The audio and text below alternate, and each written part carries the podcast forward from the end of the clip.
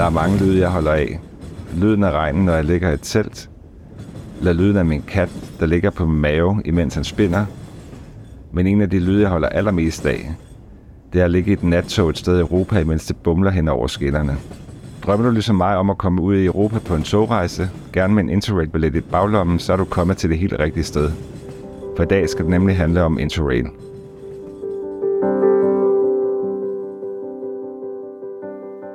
Hej derude, og velkommen til. Mit navn det er Per Sommer. Jeg er manden og rejseentusiasten bag den her rejsepodcast, der hedder Taste the World. Tusind tak, fordi du lytter med. Er det første gang, du lytter med, så kan jeg fortælle dig, at jeg laver den her podcast, fordi jeg elsker at rejse. Og jeg gerne vil være med til at inspirere andre til at finde nogle unikke rejseoplevelser.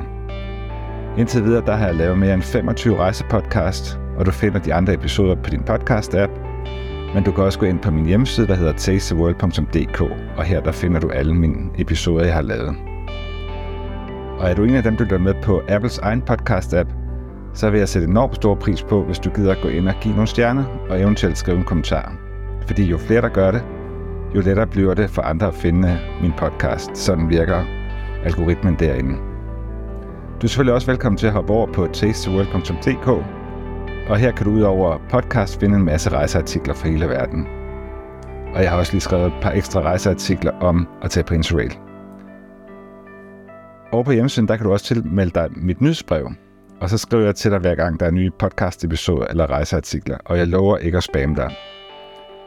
Og hvis du går over og tilmelder dig lige nu, så får du min helt nye gratis e-bog, som jeg lige har skrevet og øh, sat op.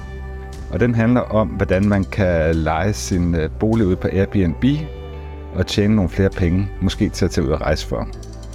Her finder du både en masse praktiske råd og du finder noget om lovgivningen og regler osv. Og, og den er også baseret på min egen erfaring, fordi vi har lejet vores lejlighed ud i, på Airbnb de sidste mange år. Men lad os komme i gang med dagens episode, hvor du får en masse gode råd til, hvordan du får den mest fantastiske interrail-rejse gennem Europa. God fornøjelse.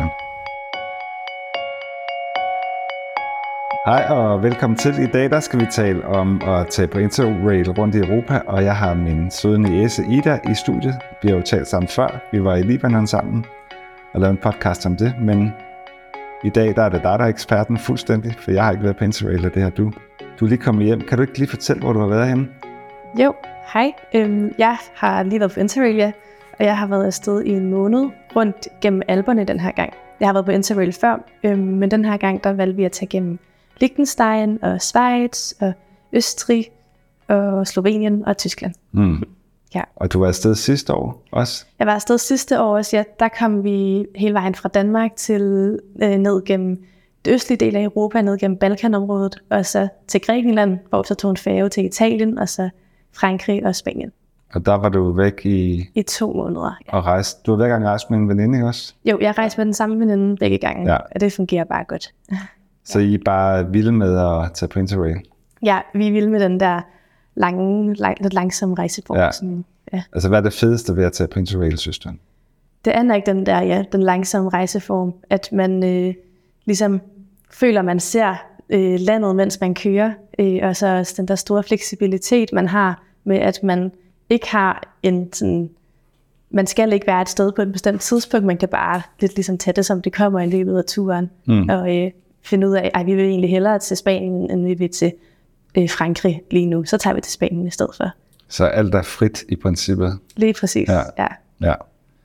Og er der noget, der er irriterende ved at tage på Interrail, synes du? Ja, det er der også lidt. Øhm, man skal være indstillet på, at der kan være nogle rigtig dumme togrejser en gang imellem. Især hvis man rejser på, øh, hvad hedder det, på de sådan, højsæsontidspunkter, hvor der er rigtig mange turister. Øhm, der er bare nogle tog, altså togstrækninger, der fungerer rigtig dårligt, og der er bare ikke nok tog, og så kan man ende med, at man skal sidde på gulvet, eller forsinket tog, og øh, man skal finde nye løsninger og sådan noget. Så det kan godt være lidt træls. Ja. Men hvis man er indstillet på det, så går det nok. Og vi kommer tilbage til det. Hvad gør man så, hvis et tog bliver aflyst eller andet? Det kommer lidt senere. Ja. Jeg har jo selv været på Interrail for mange, mange år siden, og det var i slutningen af 80'erne, hvor det var super populært. Men der er jo sket noget siden dengang, ved jeg. Så det vi skal i dag, det er, at vi skal have nogle gode tips og råd fra dig til, hvad man lige skal tænke over, hvad man skal gøre, inden man tager afsted, øh, når man skal på Interrail. Og vi kan jo starte med det første. Altså Interrail, det er jo den her togbillet, man køber til hele Europa, og den gælder til en masse lande, er det ikke rigtigt? Jo, der er vist 33 forskellige lande i Europa, mm. sådan lige med undtagelse med nogle lande i øhm, Balkanområdet, hvor der ikke er så meget, øh, hvor der ikke rigtig er nogen tog. Ja, og hvem, hvem er den her, hvad, altså den her rejseform, hvem er det for, synes du? Øhm, ja, altså det er jo egentlig kun en billet, så man kan bygge sin rejse ret meget, som man vil, alt efter billetten. Jeg har mødt familier, der har været afsted på Interrail, og, øh, men jeg synes, jeg møder rigtig mange unge, der er afsted på den der lidt budgetrejse, og så var det en billig løsning at finde mm. en Interrail-billet. Ja. Men det er egentlig til rigtig mange, fordi man kan også købe seniorbilletter øhm, til folk, eller til ældre mennesker, som der også kan rejse med billig med tog. Ja. Mm. Så jeg tænker, at kravet er, altså bare man kan sådan bevæge sig nogenlunde fornuftigt, øh, ja, ikke er gangbesværet, eller, eller det kan man måske også. Øh, man kan godt, øh, i hvert fald, øh, der er rigtig mange tog, der også er kørestolsvenlige, mm. øh, men det er selvfølgelig, det kræver lige lidt mere planlægning, og det kræver nok også, at man er i nogle lande, øh, der har nogle ressourcer til det, hvor det er nok lidt forskelligt, om du rejser vestpå eller østpå. Okay, det kommer lidt an på landene også. Ja. ja. Godt. Hvis man nu har besluttet sig for at tage på Interrail, så skal man jo have en billet. Mm. Og det er, jo, det er jo ikke bare en billet, der er flere forskellige typer af billetter, er det ikke rigtigt? Jo, man skal sådan blive enig med sig selv om, hvor meget man gerne vil rejse rundt. Øh, man kan købe sådan forskellige perioder, og så med forskellige rejsedage. Og en rejsedag, det er altså en dag, du bruger, på i tog, altså du bruger i toget. Ja. På vores første tur, der havde vi øh, en to måneders tur, så vores billet var altså gyldig i to måneder. Men inden for de to måneder, der måtte vi kun rejse 15 dage med tog. Og det skulle vi så dokumentere på, på vores billet øh, de dage. Og der er så forskellige kombinationer. Man kan også rejse en måned med syv dages øh, rejsedage, og man kan også rejse med en og to og tre måneder, hvor man har alle dage, man kan rejse. Okay. Ja. Ja. Og er det ikke rigtigt forstået, at hvis man bare vil besøge et land, så kan man også få et sådan et single country pass, eller hvad, hvad hedder det? Hedder jo, et land? one country pass, ja, ja. ja. Jo, det kan man også, hvis man nu bare vil gennemrejse Frankrig, så er det lidt billigere, øh, og man kan, der er rigtig mange, der gør det i Grækenland, fordi mm. der er også færger med nogle gange. Ja. Øhm, altså nogle af de færgestrækninger, så kan man lave sådan noget øhop, øh, hvor man kan få sådan tre eller fire færgeture, hvilket er ret smart. Og jeg tror, jeg lægger en prisliste ind, fordi der på, på Taste the World til show notes, den her podcast, der, der er rigtig mange priser. Vi har en prisliste liggende her, men ja. det bliver alt for forvirrende at tale om, fordi der er også seniorrabatter, der er unge får rabat, ikke også? Jo, lige præcis. Og voksne, bet- eller folk over x antal år, skal, jeg skal betale fuld pris. Ja, og så er der anden klasse og første klasse, man kan vælge. Ja, så og det er lidt et virvar, men det kan man godt læse sig til, når man ser tabellen. Ja, Når man nu har den her billet her, øh, så har man så adgang til, hvis man har Global Pass, så har man adgang til alle de her 33 lande. Ja. Men er der noget, når du har den her billet, der ikke er inkluderet i prisen? Øhm, ja, nogle steder er det et behov, man har pladsbilletter på turen, og det er ikke inkluderet. Øh, og der er det især i Frankrig og i Italien, hvor de der pladsbilletter godt kan være lidt dyre, og det skal man lige være ops på. Øh, ellers er det også nogle metrostrækninger og busstrækninger. Øh, altså i byerne? I byerne, ja, som der heller ikke virker. Det skal man sådan dykke lidt mere ned i lokalt. Øh, det er lidt an på, hvilket land du er i. Øh, okay. men øh, så det er ikke sådan alle busser og alle tog og metroer. Eller sådan, i hvert fald hvis du kører intercity og øh, regionaltog, mm. så er det i hvert fald, de virker i hvert fald. Men i forhold til det her med pladsbilletter, der er simpelthen sådan nogle tog, man ikke kan komme med, hvis man ikke har plads. Er det, ligesom et krav, eller hvad? Ja, lige præcis. Øh, hvor man så skal lægge det oveni, at man har en pladsbillet. Ja. Øhm, og de kan godt komme op og koste 100-200 kroner. Okay. Øh, ja, nogle togstrækninger kommer man til at betale ret mange penge for pladsbilletter. Øh, men man kan så også navigere udenom det, ved at man kigger på togene, øhm, og så kan man så finde en rute, hvor det ikke er nødvendigt. Så den mm. måske var lidt længere. Så det kan man jo vurdere, hvor meget budget man er på. Ja. Og det, er det ikke rigtigt forstået, det er tit sådan nogle hurtige tog TGV, og ja. der kræver ekstra? Det er de rigtig hurtige og de nemme løsninger. Ja. Øh, sådan, hvis man bare gerne, hvis man nu skal rigtig, rigtig langt, så kan det godt være rart at have en pladsbillet. Også bare fordi, det er ikke fedt at blive smidt væk fra sin plads på en 8 timers tur. Så det, kunne, det er en fordel at have pladsbillet, det er jo, du har et sted. Lige præcis, man ja. har den sikkerhed. Ja. ja. Er det også nogle gange, at I har købt pladsbillet til tog, der ikke kræver det, fordi I vidste, der var mange med? Eller? Øhm, ja, øh, man kan faktisk se, der er sådan en øh, app, der hedder Railplanner, hvor man kan se, det er ligesom rejseplanen bare for hele Europa. Øh, og der står der så enten om, øh, at rejse, hvad hedder det, pladsbillet er nødvendig, eller om det er anbefalet, eller om det slet ikke behøves. Mm. Og så kan man jo lidt vurdere, hvis man nu skal rejse 6 timer med et tog, der er anbefalet, at man har pladsbillet, så er det måske en god idé at købe det, mm. fordi ellers så kan det godt blive en lidt lang tur. Ja. Øh, men man kan også lige se, hvad den koster. Hvis den nu kun koster 5 euro, så er det ikke så galt. Nej, okay. Godt, så man får en Interrail-billet, og så skal man lige sikre sig at få de her pladsbilletter, især hvis det er til de der obligatoriske tog. Ja. Men man kan godt undgå det, hvis man tager lidt langsommere tog, eller Ja, vi fra, på vores tur nu her, der har vi faktisk slet ikke ramt nogen pladsbilletter, øhm, fordi vi har navigeret udenom. Mm. Øh, men det gjorde vi så på vores første tur, fordi der vidste vi ikke lige, hvordan man gjorde det endnu. Ja, okay. ja. Og når man nu har planlagt, og skal man gerne vil ud på Interrail, formentlig har man også nogle, en idé om, om man gerne vil have, når man vil til Spanien, eller Grækenland, eller Frankrig, hvad ved jeg. Hvordan, øh, altså hvor finder man inspiration hen til sådan en tur, og hvordan planlægger man en Interrail-tur? Hvad, hvad har I gjort? Ja, altså mig og min veninde Katrine, som jeg rejste med, vi øh, havde nok egentlig bare sådan, vi var ret inspireret af de der Balkanlande, øh, og vi synes, vi tænkte, det anede vi ikke, hvad var, så det vil vi gerne prøve at se. Og vi har så også fået lidt inspiration fra sådan en Instagrammer, der hedder She Traveled the World, som der er sådan, hun rejser ret meget i Europa, eller har i hvert fald rejst meget i Europa, som også sådan nogle lidt specielle steder, mm. Polen og sådan nogle steder, man måske ikke kender lige så godt som Paris og Barcelona og sådan noget. Ja, Øhm, men ellers så, altså sådan, jeg kan godt lide at ud, sådan, opdage det der, som jeg ikke kender til. Øh, så det var egentlig bare der, vi rejste hen. Sådan, Bosnien, det lød sjovt, der har vi ikke været. Der kunne vi godt tænke os at prøve at se, hvad det var. Øhm, så det var egentlig bare lidt efter interessen. okay. Og hvor meget havde I planlagt hjemmefra? Havde I bare fundet en region, eller havde I sådan hver dag, hver, hvert minut planlagt, hvad I skulle? Øhm, altså, vi havde planlagt vores første overnatning, øh, som var i Berlin. Og ellers så tog vi den egentlig bare derfra. Vi havde godt en idé om på vores første øh, rute, at vi skulle til Grækenland. Så vi skulle ligesom ned østagtigt. Øh, og så havde vi bare nogle stop på vejen, vi også gerne ville se.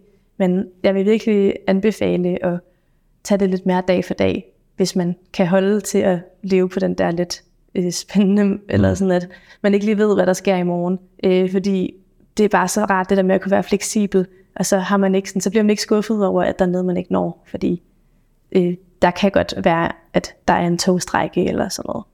Ja. Og man møder vel også nogen undervejs, der har nogle gode råd, og tænker jeg. Lige præcis, så er der nogen, der siger, at man lige skal komme til den her by, og så prøver man det, og ja, og måske er det også hyggeligt at rejse sammen med nogen, hvis man møder nogen, øh, så rejse videre til næste stop med den person, og det, det er rart at have den der fleksibilitet af, at man ikke sådan, åh, det er egentlig mega hyggeligt her, men jeg skal faktisk videre i morgen, Mm. så kan man bare blive, hvis det er det, man har lyst til. Ja. Hvad i forhold til sådan noget, hvor ambitiøs skal man være? Altså, skal man flytte sig hver dag, eller hvad, skal man være en uge et sted og flytte sig, eller hvad, hvad har I gjort der? Øhm, ja, der har vi er lidt forskelligt faktisk. Øhm, vi har egentlig primært kørt sådan, hvor vi har øh, to, tre eller fire overnatninger hvert sted. Men vi kan også godt lide, at der er lidt fart på. Øhm, og jeg kender også nogen, der har været en uge til en halvanden flere steder, altså sådan på et sted. Øh, så det kommer lidt an på, hvordan man godt kan lide at rejse, og hvordan man godt kan lide at udforske en by. Og selvfølgelig også, hvor lang tid du har. Øh, men jeg vil sige sådan, man kan godt have en god rejse med to, tre, fire overnatninger hver sted. Og så skal man også huske at have de der dage, hvor man faktisk lige holder en ferie fra sin ferie. Fordi sådan, man kan godt blive træt af at skulle så meget rundt. Så man behøver ikke at lave, være ude og se det hele hver dag, men man kan godt bare have en dag, hvor man ligger ved en sø eller ved stranden eller sådan noget. Det kan godt være hårdt at være turist en gang imellem. Lige præcis, det hårde liv. Hårdt at være på ferie, er det rigtigt? Nemlig. I havde ikke sådan en totalt detaljeorienteret plan, da I tog afsted hjemmefra. Mere nogle områder. Lige præcis. Men jeg kender nogen, der faktisk har haft totalt booket. Øh, de har så også kun rejst en måned. Jeg tror, det bliver sværere, når man skal over en måned. Mm. Men jeg kender nogen, der lige booket hvert sted hjemmefra, og det havde de det rigtig godt med. Øh, men øh, jeg synes, der er noget fedt ved det der med, at man kan være så fleksibel. Ja. Jeg synes, det er det, som Interrail-billetten ligesom også har at tilbyde. Hvis man nu ikke har været øh, ude at rejse før med tog i Europa, så kan det godt virke sådan lidt overvældende at finde ud af, hvordan man, hvornår kører toget, og hvor bestiller jeg pladsbilletter og så videre. Øh, Du nævnte lidt tidligere, at I har brugt en app. Kan du ikke fortælle lidt mere om det her planlægningsværktøj, I har brugt? Jo, der er Rail Planner, som er mega smart, som er ligesom er sådan Europas svar på rejseplanen. Er det en app? Det er en app, ja. Du kan downloade den på Ja. din telefon, både på øh, ja, Samsung og øh, iPhone og sådan. Øh, og den viser alle tog. I, øh, og sådan, hvis du nu for eksempel siger, at du skal fra København til Berlin, så viser den også, altså, hvordan du kommer derhen og hvilket stop du skal med. Og den virker offline, og så siger den, om du skal have pladsbilletter, og hvad pladsbilletten kommer til at koste. Øhm, så den siger egentlig alt, hvad du skal øh, bruge for at kunne aktivere dit øh, Interrail-pas. Så det er faktisk ret enkelt. Øh, Ja, Ja. det er egentlig meget nemt. Øh, det eneste er med den, at hvis der så sker noget, øh, altså hvis der nu bliver en aflysning, så står det ikke inde i appen, fordi den kan fungere, altså den fungerer offline. Mm. Øhm, men der er det bare godt at spørge. Øh, altså, man skal bare aldrig være bange for at spørge. Øh, både lokale personer, der sidder i toget, eller dem, der sidder ved billetkontorerne og sådan noget. De, Togpersonalet og... ja, Ja, folk er altid rigtig søde til at hjælpe. ja. Men ellers brugte I ikke nogen værktøjer, Google Maps eller noget andet? Øhm, mest til at finde steder. Man kan også godt bruge Google Maps, men det, jeg synes, det var nemt med Rail Planner, mm. fordi den ligesom også er koblet op. Så viser den også kun togstrækninger, hvor at Interrail-billetten gælder. Og så hvis der for eksempel er en færgestrækning, du skal med for at komme derhen, så står der så, at du skal lige være ops på, at du skal betale noget ekstra her, fordi her gælder din Interrail-billet ikke. Så den viser ligesom, den guider dig igennem Europa, hvilket er ret smart. Så den skal man i hvert fald have. Ja, Så man kan sidde derhjemme og planlægge lidt på den her app og få en fornemmelse af, hvor lang tid tingene tager og sådan noget. Det er vel også meget forskelligt, tænker jeg, om hvilke typer tog og hvor i Europa der er. ja lige præcis. ja. Sådan helt lavpraktisk, så skal man jo have købt en billet. Man skal jo have Interrail-billetten. Og hvordan gjorde I det? Øhm, den første gang købte vi det inde på billetkontoret i Odense, øh, sådan fysisk. Altså DSB's billetkontor. DSB, ja, DSB's billetkontor, ja, og købte den gennem DSB. Øhm, egentlig fordi vi var lidt forvirrede, og der var også corona, så det var lidt bøvlet. Øhm, men det virkede rigtig godt. Øh, og den anden gang købte vi det over hjemmesiden på DSB også. Øh, og det gode ved at købe det over DSB er, at du bare skal sige en startdato. Så siger vi, at vi vil gerne rejse den 8. august, og det er vores første dag. Hvis du køber den over Rail, øh, nej, hvad hedder det? Eurorail, som er Interrail-siden, øh, så skal du også tage startdestination. Og det kan godt være lidt svært, hvis du planlægger lang tid foran, og du ikke lige ved, hvor du skal hen endnu. Mm. Øhm, så man kan i hvert fald købe det gennem DSB, og det er rimelig nemt, både online og sådan i pers- sådan en person. Det smarte ved at købe det ved Eurorail, det har vi ikke prøvet, men der kan man faktisk få et øh, pas på telefonen Mm. og bruge det. Øh, det kan man ikke, hvis du køber over DSB. Så der kan man også lige veje op, hvad man mest Så har det er enten en papirbillet, hvis man køber DSB, eller man kan få en digital Lige præcis. billet på telefonen. Ja.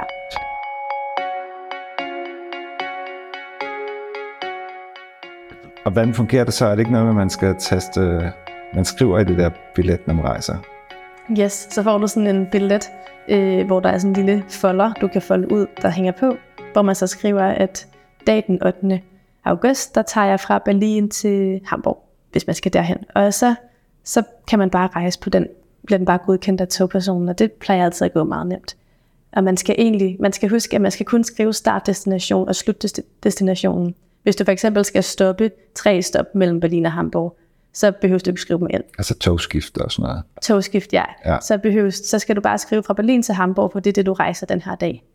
Og hvis du så har en af de billetter, hvor at du kun har øhm, nogle, et bestemt antal rejsedage, så er det vigtigt, at du også lige skriver øh, datoen op på selve billetten. Det er så forskellen mellem at rejse med unlimited rejsedage og med sådan limited rejsedage. Altså antal dage, Ja. tre, fem dage på en måned, eller hvad? Lige præcis, ja. ja. så er det lidt vigtigt, at du skriver det ind. Ja. Og hvad gjorde I med de her pladsbilletter? Hvordan købte I dem?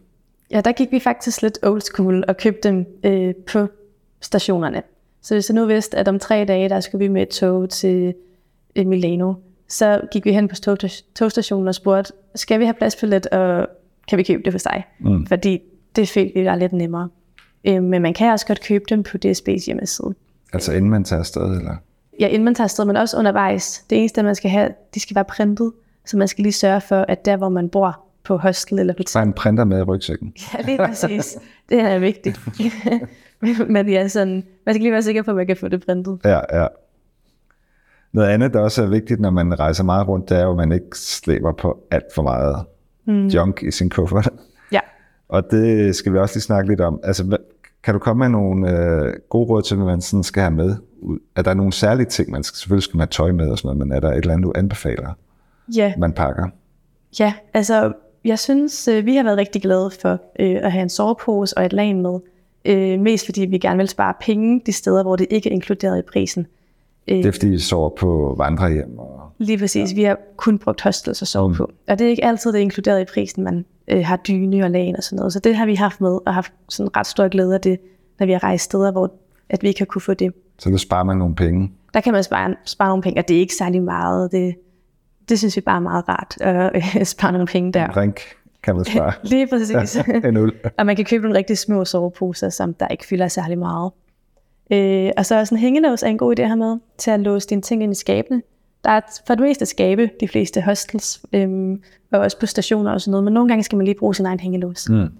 Øhm, og så har vi også haft sådan en dags, dagsturs-taske med, øh, hvor vi så har haft en stor taske på ryggen. Vi har haft en 60 liters med på ryggen, og så bare sådan en lille dagsturs-taske på maven, Mm. hvor vi kan, hvis vi skal ud på vandretur, kan vi tage den med, eller så er det også bare rart at have sine øh, bøger og sådan noget et sted, hvor der er lidt mere lidt tilgængeligt mm. på lange togture. Når I er afsted sådan en måned, altså, hvor mange t-shirts og shorts og underbukser og sådan noget skal man have med? Ja, Ja. Øh, vi har egentlig vi regnede meget i underbukser, fordi det er jo ligesom det er der, man skal vaske, når man ikke har flere. Og vi havde sådan underbukser med til en halvanden, to uge. Og så hvis vi ikke lige gad at vaske, så købte vi jo bare nogle nye. Og sådan cirka 10 par eller sådan noget. Cirka 10, ja, 10 par passede meget fint. Og så havde vi også lige koordineret, sådan at vi kunne ligesom vaske på samme tid. Men det vigtigste, altså man skal huske, at der er ikke noget sted, der ikke er en H&M, eller man kan købe sokker, eller sådan, man kan altid købe det hele derude, så man skal ikke være så bekymret for, hvis man nu bare glemmer et par jeans, fordi så køber man det. Og det, det er ret dejligt, hvis man står og tænker, at man har to trøjer, man ikke ved, om man skal tage begge to med, eller den ene, så altså, bare lad det blive hjemme, fordi mm. du skal nok finde det. Ja, Og du kommer også til at købe souvenirs og sådan noget, og det er rart at have lidt ekstra plads. der skal være plads i kufferten. Ja. Hvad gjorde I med tøjvask og sådan noget? Var det bare i håndvasken? Eller? Øhm, hvis det virkelig trængte, var det i håndvasken, og hvis det var lidt akut. Men ellers så kan man faktisk, øh, de fleste, eller rigtig mange hostels, kan man godt få vasket tøj. Øh, vi har også bare prøvet at gå ned til sådan en lokale vaskehal og vaske tøj der. Det tager lidt tid. Altså en møntvask? Eller? Ja, bare sådan en møntvask. Øhm, og det, det tager lidt ekstra tid at vaske tøj, men så, så kan man hygge lidt med det. Så sidder man og læser lidt i en time, fordi man venter eller sådan. Så kan man også få en lidt en afslappningsdag på den måde. Ja. Man skal vel have pas med gået frem. Er der ellers andet, man sådan skal have med af Øhm, ja, så dokumenter? blå sygesikring, øh, altså sådan de der helt almindelige, når man rejser. Måske vil man gerne have kopieret sit pas eller sådan noget. Det, der er ikke noget specielt andet end passet interrailpas, som så også er ret vigtigt. Øh, men det er rimelig sådan, vi har ikke haft så store problemer med at komme over grænserne, øh, fordi når man rejser med tog, så er det sådan lidt, man skal ikke gennem security og sådan noget. Øh, Det slipper Det er også en fordel. Lige præcis. Ja. Ja. Man slipper igennem, eller sådan, man slipper hurtigt igennem landene, fordi det, ja, man kører i tog, og sådan er det, når man øh, krydser grænserne med tog. Ja.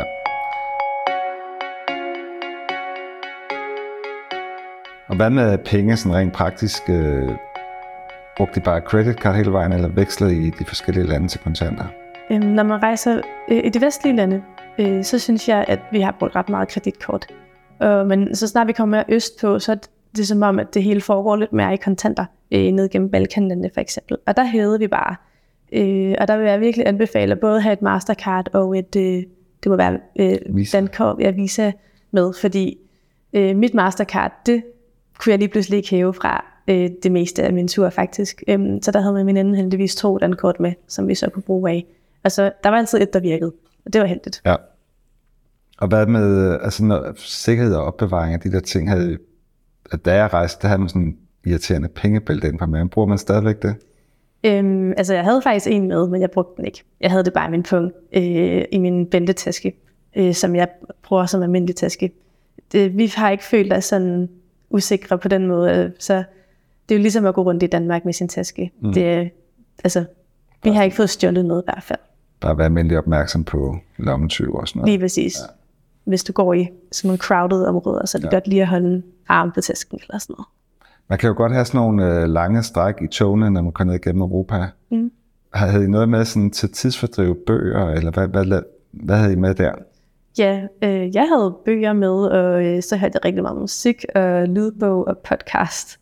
Øhm, og min veninde Katrine, hun havde sådan en lille øh, akvarel malesæt med, sådan en rejseudgave, hvor hun sad og malede lidt. Men det er i hvert fald vigtigt at have noget tidsfordriv, fordi det kan være nogle rigtig lange togture ellers. Øhm, ja. Men øh, jeg kan helt klart anbefale at have nogle gode høretelefoner med, altså sætte en lydbog på, eller en podcast eller et eller andet. Det er i hvert fald rart at få tiden til at gå med. Og det, I skal også dagbog og skrabbog, synes jeg, jeg har set på nogle billeder. Lige præcis, ja. Vi gav den også lidt ekstra gas der. Det synes vi var hyggeligt at lave, og det tog rigtig lang tid at skrive dagbog og lave skrabbog. Øh, ja. Men det hyggede vi os med. Kan du ikke fortælle lidt om altså, sådan en typisk rejsedag for jer? Altså, det kommer nok meget an på, om det er en dag, hvor vi skal afsted.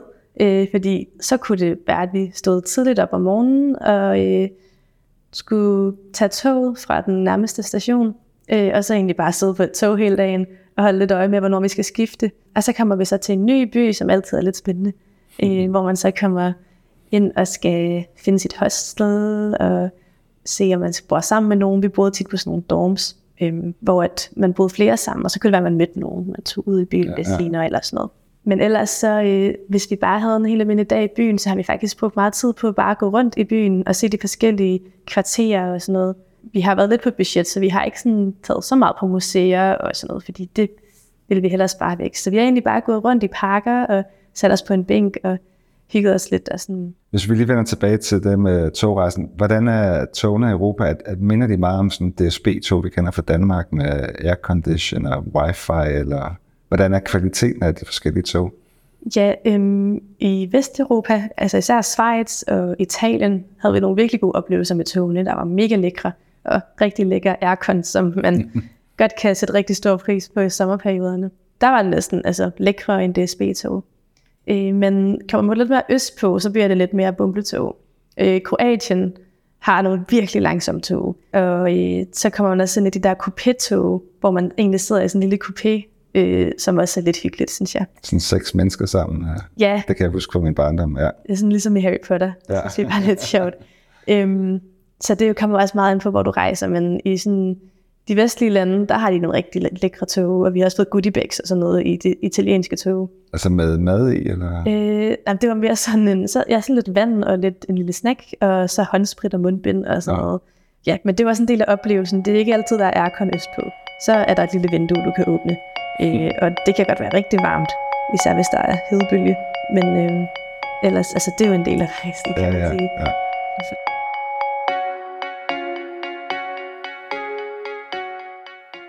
Og hvad med, øh, hvis man havde sådan en lang togrejse, hvad gjorde I med mad? Kunne man købe mad ombord på togene, eller havde det selv med?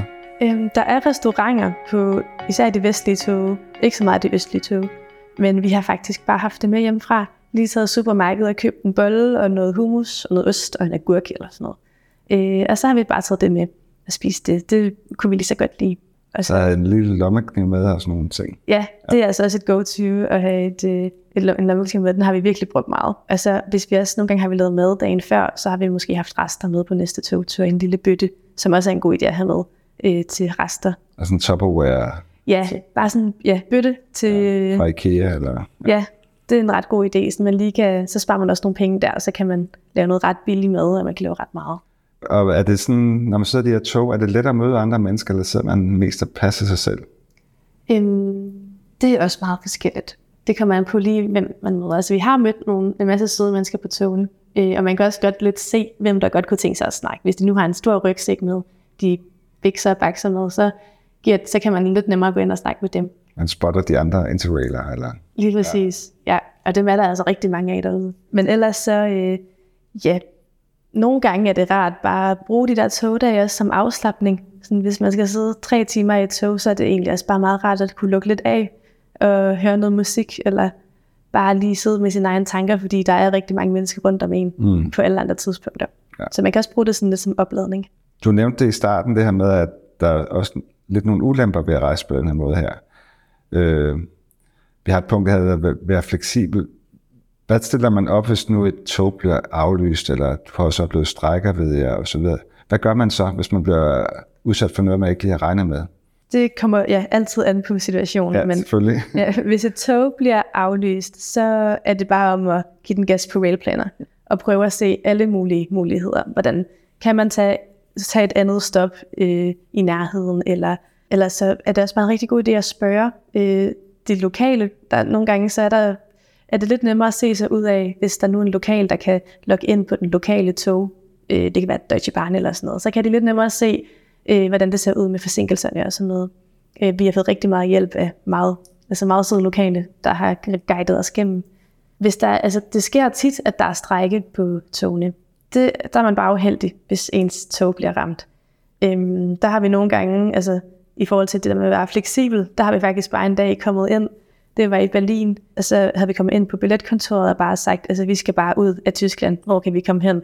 Og så havde hun så fundet en løsning. Så det er også det med, at man skal kunne øh, være fleksibel på, at nogle gange så må man bare lidt tage med der, hvor vinden blæser hen, og hvor toget kører hen. Fordi hvis det, man gerne vil videre, og det skal være den dag, så må det være sådan, man gør det. Og det synes jeg er altså lidt sjovt og lidt spændende eventyragtigt, mm. at man egentlig... Det uventede. Ja, man går hen til en station, og man aner ikke, hvor man ender. Og så må man bare prøve at få det bedste ud af det. Men kan man risikere at miste en af de der rejsedage, man har? Øh, hvis, eller får man sådan en note i billetten, at man kan gøre det alligevel? Rejsen en anden dag, eller? Altså, jeg tror, hvis du har skrevet den ind, og du ikke er taget afsted, og der bare kommer total strække, jeg tror måske godt, du kan strege den ud, hvis du nu spørger. Det skal, du måske, ja, det skal man ikke lige spørge om, men ellers, altså hvis du er på rejsen, og der nu er en forsinkelse eller en aflysning, så gælder den dag stadig som rejsedag, så du kan egentlig rejse den. Altså hvis du nu har skrevet fra Hamburg til øh, Prag, øh, så, gæld, altså, så, så kom, du skal bare komme til Prag i løbet af den togtur, så kan du egentlig tage en lige så kringlet vej derhen, som du vil. Så du er, sådan, på den måde er du heller ikke sat fast på en bestemt rute, mm. øh, medmindre du har pladsbillet selvfølgelig. Men du kan i hvert fald, altså, du skal bare komme til Prag, altså, så gælder det hele den dag. Ja, der er som regel flere, der er ikke kun én, en togbane til Prag, der kan være flere ruter. Ja, præcis. Ja, ja.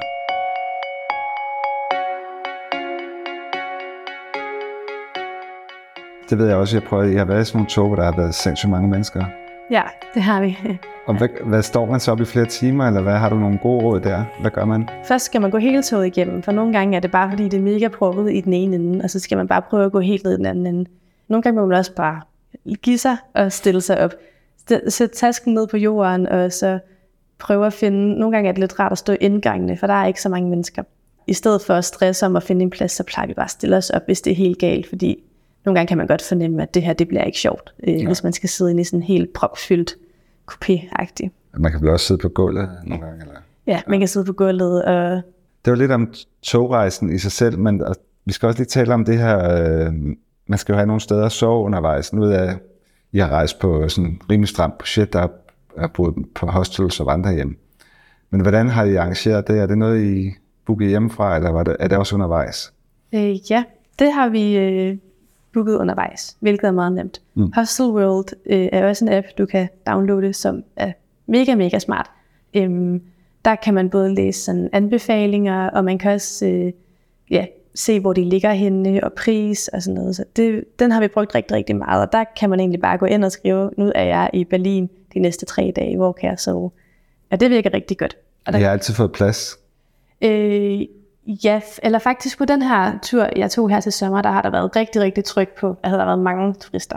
Øhm, så der har det været sådan noget med, at hvis vi skulle de steder, vi gerne ville øh, hen, så blev vi nødt til ligesom at tage byerne i nogle forskellige rækkefølger, fordi det er der, der var plads øh, på de forskellige hostels. Altså der kiggede lige, er der plads i den her by, Schweiz eller Østrig? Eller... Ja, præcis. Så, så skiftede rækkefølge efter det? Ja, nemlig. Så blev vi nødt til lige at komme derhen nogle dage senere. Ja her i højsæson har vi faktisk måttet bestille ret meget hjemmefra øh, fra start, eller i hvert fald den første uge, fordi det blev simpelthen bare booket øh, helt vildt meget.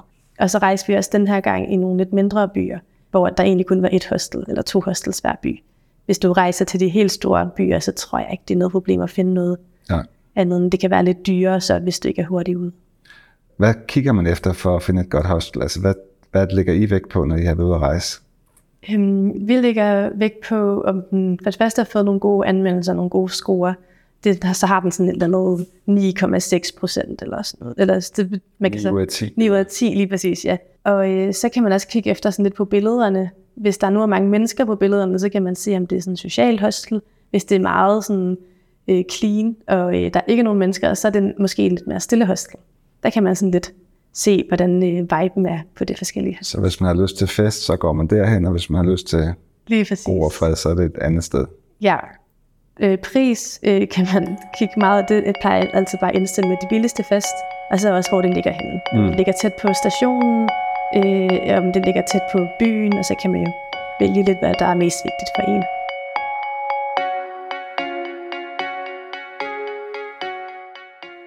Nu nævner du pris, og det kan vi også lige tale lidt om. Øh, hvordan ligger man et budget, og hvor mange penge skal man regne med at bruge på sådan en tur? Jeg ved, det er jo selvfølgelig meget individuelt. Øh, ja. jeg, jeg er blevet så gammel, jeg gider ikke bruge hostel mere, så jeg vil nok bruge nogle flere penge, men hvordan var jeres budget på, på de her ture her? Øhm, jeg havde prøvet at lægge sådan et cirka budget hjemmefra, øh, som ligesom var sådan skrækscenariet af det dyreste. Øh, og til vores, på vores første tur, hvor vi var to måneder afsted, der havde vi sat 35.000 af. Og det viste sig faktisk sådan, at vi rejste først i den østlige del i øh, sådan lidt over en måned. Og der brugte vi en tredjedel af de der 35.000. Øh, og da vi så kom til Italien, Frankrig og øh, Spanien, den sidste, sådan, de sidste tre uger må det have været, der brugte vi så de sidste to tredjedele. Hold da. Ja, så der er rigtig stor forskel på, om du rejser øst eller vest. Øhm, og der er det bare klart billigere at rejse øst, hvilket måske er lidt sjovere, når du er ung og på budget, fordi så er der bare lidt flere muligheder. Man skal ikke være så bundet af at bruge penge. Mm. Man kunne godt føle, at man blev lidt sådan afholdt, når man rejser. Eller sådan. Man kunne ikke lige spise ude hver dag, fordi det, det, var altså, det var bare for dyrt. Er der forskel på, hvor mange turister der er i øst og vest også? Ja, øh, der er rigtig mange ja, turister, sådan hurtige turister, der kommer vest på. Og så er det lidt, der er sådan lidt flere, øh, når man kommer ned til Bosnien, Bosnien og Nordmakedonien, hvor man ikke helt rigtig møder så mange. Øh, der, er der, ja, der er ikke særlig mange turister. Og det er også lidt mere et sted, hvor så dem, man møder, sådan, så er det sådan dem, man snakker med, fordi det er dem, der er der. Øh, og så fandt vi faktisk også ud af, jeg ved ikke, om det var et tilfælde, men da vi rejste i Bosnien og Nordmakedonien, der var der ikke særlig mange unge piger, der rejste. Øh, så det var sådan, altså mange øh, unge mænd. Så det var nok bare lige lidt, jeg ved ikke lige hvorfor, det kan være tilfældigt, men vi blev i hvert fald, da vi blev modtaget på vores hostel i Boston, var de sådan, oh, girls. ja. ja. Øh, men at, altså, det er ikke fordi, det var noget problem, men det var bare lidt sådan typemæssigt, det er sådan nogle lidt mere adventure-typer måske, der er for det meste rejser i de lande. Ja, okay. Nå, det sidste, vi skal snakke om også, det er jo den her med kontakten herhjemme, og der gjorde I noget særligt, der er den veninde. Øhm. Ja, øh, vi lavede sådan en Instagram-konto sammen, øhm, som jeg egentlig også har set, der er flere og flere, der, øh, der er ret mange, der gør. Øhm, at det var egentlig meget nemt at måde, at så kunne man ligesom sende noget ud til alle, sådan, og alle, der ligesom havde sagt, at de ville gerne følge med, de havde sådan selv valgt det, sådan at det ikke var alle vores følgere, der skulle se på alle de der ting, vi har lavet op. Øhm, så kunne man også lave lidt mere personligt, og sådan, man vidste ligesom folk, de gerne ville følge med. Og det har vi hygget os meget med. Så har vi lavet et opslag for hver by, vi har været i. Og... Vi quizzede os. Og vi lavede quizzer, ja, hvor vi skulle hen, og noget. det har været rigtig sjovt. Ja. ja. Og det er også en god måde at få togturene til at gå på, ja. ved at lave, ja, skrive hjem til dem derhjemme, og øh, lave nogle fede opslag og sådan noget. Det var, der har vi hygget os med. Godt. Ida, vi skal til at slutte af. Det har været rigtig fedt. Er der et sidste råd på falderæb, eller? Øhm, nok bare, at altså, helt klart tage afsted. Det er mega fedt, og det er billigt. Øhm, det, altså, man kommer til at møde en masse søde mennesker, og man kommer bare ind i sådan en helt anden livsstil. Altså, det bliver hverdag at rejse, og det er en rigtig fed oplevelse, men sådan, altså ens hverdag er altså bare at rejse. Det er mega fedt. Det lyder skønt. Jeg vil gerne afsted i hvert fald, men tusind tak, fordi du ville være med i dag. Jo, selv tak. Så nåede vi til vejs ende, og tusind tak, fordi du lytter med hele vejen. Og også tak til Ida, fordi hun delte sine erfaringer om at rejse på Interrail gennem Europa. Jeg håber, du blev inspireret og fik blod på tanden til selv at tage afsted. Har du lyst til at høre flere podcasts om at køre i tog, så har jeg lavet to episoder tidligere. Den ene den handler om øh, en ekstrem togrejse igennem Sahara i det vestafrikanske land Mauritanien, hvor jeg har talt med John, der tog på den her ekstreme rejse. Så har jeg også lavet en podcast episode, der handler om at være digital nomade i Europa. Altså det her med at arbejde undervejs, og så bruge øh, toget som transportmiddel. Inden på tasteworld.dk, der finder du også en række artikler, i det har skrevet om at tage på tog igennem Europa. Blandt andet har jeg beskrevet min øh, drømmerejse om at tage tog hele vejen til Sicilien, og øh, det er ikke en rejse, jeg har været på endnu, men jeg har simpelthen lavet en rejseplan og beskrevet priser osv. Jeg vil også opfordre dig til at gå ind på hjemmesiden og tilmelde dig mit nyhedsbrev. Og tilmelder du dig lige nu, så får du en gratis e-bog med, og den handler om at lege sin øh, bolig ud via Airbnb. Det er noget, jeg selv har gjort de sidste par år for at tjene lidt ekstra penge til at rejse for. Jeg fortæller både om regler og lovgivning, men jeg deler også ud af mine erfaringer om, hvordan man gør, og hvordan man sætter den rigtige pris, og hvordan man får de bedste anmeldelser. Jeg håber, at øh, vi lyttes ved en anden gang, og jeg vil slutte af for nu kan du have det godt.